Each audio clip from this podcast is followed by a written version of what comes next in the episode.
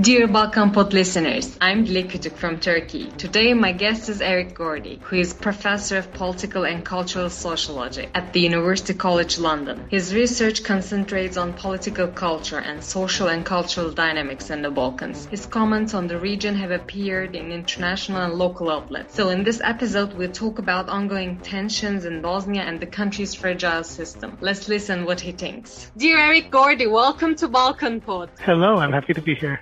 I'm really happy to have you here also. You know, currently we are facing deepening ethno-political disputes and conflicting narratives in Bosnia. Maybe we can start with the background of this event. I'm sure many of our listeners don't know what's going on in Bosnia. So could you tell us what lies behind the latest crisis in Bosnia? What we have undergone in recent days? You know, I think that a large part of the problem is structural. According to the, the provisions of the Dayton Agreement, um, if we take just the presidency, it has three members, and each of them is supposed to be elected by members of one group, what they call the constitutive peoples. And uh, what this does, I mean, its intent is to produce people who will get a measure of popular support within their group. What it doesn't do is encourage developments, uh, uh politicians to develop an approach to the whole society or responsibility for the for the whole society. So it's a system that is meant to operate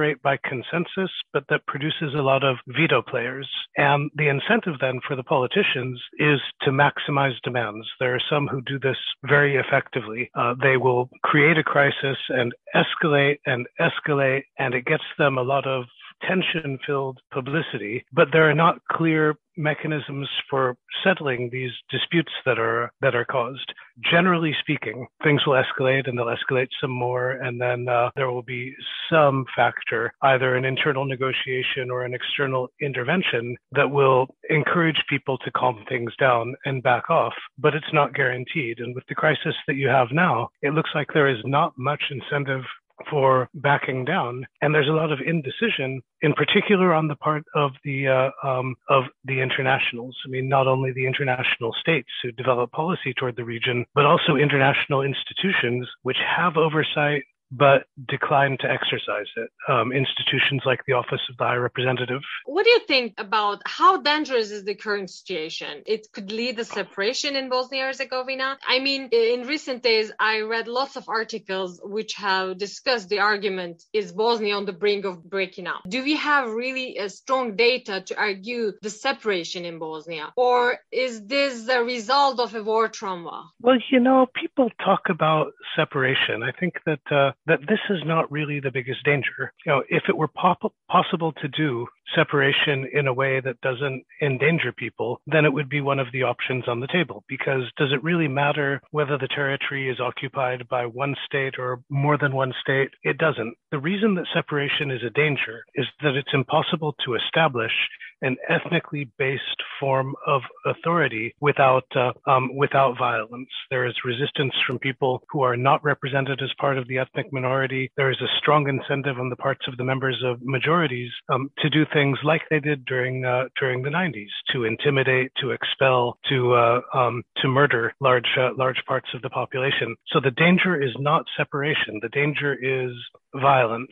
And uh, and this is something we always tend to believe that violence is not possible, and we believe that it's not possible until it happens. What happens is that uh, that when the politicians lose control of the crises that they create, then incidents are going to uh, um, to to break out on the ground that cannot be controlled, and you have a reprisal of of ethnically based violence, of mass killings, of uh, of of mass deportation, of uh, of of physical and sexual violence. So, what is the Dodik planning to do? Like, for example, if Bosnia pursues some reforms on the constitution, um, electoral law, maybe, etc., with the help of international community, do you think that Dodik will stop making a mess in the country? Well, I think that's the approach that a lot of the internationals have taken. Um, that they're going both to Dodik and to uh, and to Čović, the leader of the uh, um, of the right wing party among uh, among the Croats, and uh, and testing what concessions can we offer that will get them to quiet down.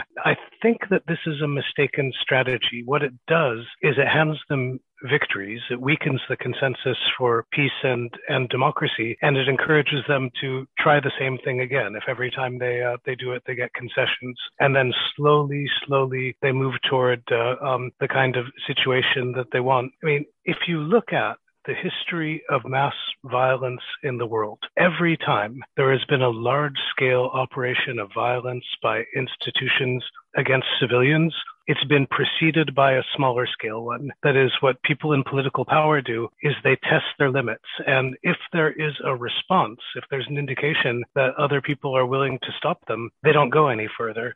And what's happening in this case, what happened in the 90s also is that there was no indication that anybody from outside was uh, was willing or had the power to to stop them. It's possible to do that now. I mean, right now the European Union, some other states like the US and the UK are talking talking about sanctions. And sanctions are mostly a symbolic measure, if they were to give some indication of a readiness to respond, and this doesn't mean a direct response, um, it uh, it might mean reactivating support and indicating that uh, um, that the European Union would support OHR in exercising the Bonn powers, or it might mean increasing the forces of the uh, of the military peacekeeping presence, or placing other forces on uh, on readiness this would cause them to uh, to to back down. It is what they're waiting to see is whether they're going to meet any opposition, and so far they have not. At this point, I really would like to ask about the international response to this crisis. How do you evaluate it? Uh, because uh, in recent days, I read also some articles. Many people recently discussed about new deployment plans for NATO and what exactly Bosnia expect from the international actors and community uh, such as,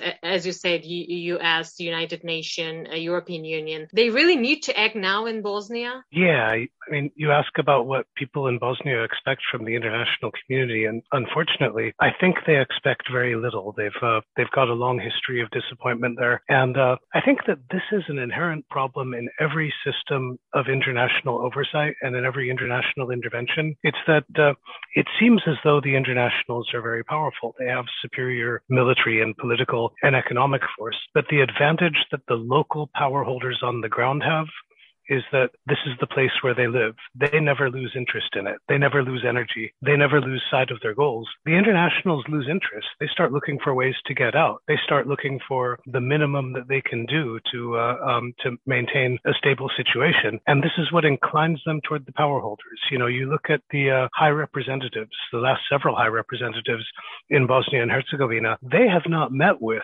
local activists for democracy. They have not met with uh, with citizens groups. They have met with the leaders of the major political parties, all of whom are uh, um, are extremist in a very in, in various forms, and they keep trying to reach arrangements between them. You know, so this is like trying to fight organized crime by brokering agreements between the leaders of the five families. You know, you might get some temporary peace deals or ceasefires between them. What you won't get is a diminution of the presence of organized crime or a lowered tendency of the heads of the families to increase their demands for control. And there is also another side, other people who discuss, who ask about uh, why we all the time need the attention of international actors in Bosnia. I also would like to ask this question. Why can Bosnia solve its own problems? Uh, because it's been prevented. It's been prevented by the uh, um, by the provisions of the Dayton Agreement, and it's prevented by the attitudes of the international actors who systematically exclude citizens from every process to the preference of political parties. You know, I think this is why there are a lot of initiatives out there coming from I think some very well meaning people in the international community who are saying a new constitution needs to be written and imposed, or a new arrangement needs to be made um, about the entities. You know, some entities need to be eliminated, or some entities need to be added, and so on. Um, every one of these proposals has its potentially good and bad consequences, but the reason that none of them are viable is that they have not given thought to the question of legitimacy. The only constitutional or territorial or electoral arrangement that is going to be sustainable is one that originates with and is a result of pressure from the citizens of Bosnia and uh, and Herzegovina. But they're systematically cut off. They are prevented from uh, from engaging in this activity, which is necessary. How do you see the future of this crisis? What is your opinion? How how you comment on this? Well, it is very dangerous because all of the incentives that are provided to uh, um, to the politicians are incentives to escalate. I mean, if you ask me to predict the future, you know, it's uh, it's always risky to predict the future because all you have to do is wait a little bit, and uh, you know, chances are you'll be found you'll find that your prediction was wrong. Uh, but what I think is that the key to de-escalating the crisis actually does not lie in Brussels or in Washington or another one of these capitals but in Belgrade and in Zagreb, um, that the pressure will be for these outside sponsoring states to get their clients under control. Uh, and uh, and this can happen through economic and political means that are going to be a lot more effective on a legal state with representation in the United Nations than on these para states acting through informal channels it's a really good point. I would like to ask about Serbia. Maybe uh-huh. you can uh, evaluate Serbia's role in this crisis. How do you see it? Well, you know, Serbia is led by basically the same elite that was uh, that was leading it through the time of violence with the same ideas. And there's not much more of a variety of ideas coming from the opposition. So there is a strong inclination among this group to the same kind of extremism and calls to violence that have been promoted before. You know, Serbia really enjoys stirring the pot there. So does, uh, so does Croatia. Um, however, the thing that controls them is that the state does, after all, have responsibility to its citizens and also to the city citizens in Bosnia and Herzegovina who it's purporting to represent. Um, what this means is that Vucic is a bit threatened by, by Dodik. Dodik wants to do something. Vucic will loosen the reins and let him do it until, until he's, uh, until he's pulled back. And it's, uh, it's threats that are going to get Vucic to pull him back. Threats of, uh, of economic and political damage, especially Lastly, I'm gonna ask about my country. You know, Turkey has expressed deep concern over this situation and mutual visits have been held. How do you evaluate Turkey's approach to the problems in Bosnia? You know, Turkey was uh, was building for a while. Uh, I think a, a very good and helpful reputation as an honest broker in uh, some local disputes, especially disputes that had to do with uh, with religious communities in in Bosnia and Herzegovina and in in Sanjak. I think that the capacity of Turkey has been reduced a little bit uh, more recently because of internal events in in Turkey that have that have made the state more aligned with particular groups and, and movements, and so reduced its capacity to uh, to do negotiation and arbitration. I mean, I suppose on balance what I would say. You know, if the solution in Bosnia and Herzegovina is for the state to be more democratic, this is probably the solution in every other state that projects um, interests and power in the region as well. I just would like to add a small question because I really wonder your opinion uh, about the Bosniak Muslim politicians. Uh, what is your suggestion and advices to the political figures in Bosnia? This is really last question. I mean, I guess that I would uh, um, that I would say this that uh, Dodik likes to present himself as the representative of all ethnic Serbs, you know, in Bosnia and Herzegovina, possibly in the world. But if you look at it realistically, he doesn't have support that is that strong in Republika Srpska. When he went to the Republika Srpska parliament and asked for changes to the law that would have taken away powers from the central state that are provided by by the Dayton Agreement, he lost. So, uh, um, so there are people, you know, in Republika Srpska among the Serbs who are conscious of the danger of uh, of upsetting the, the balance.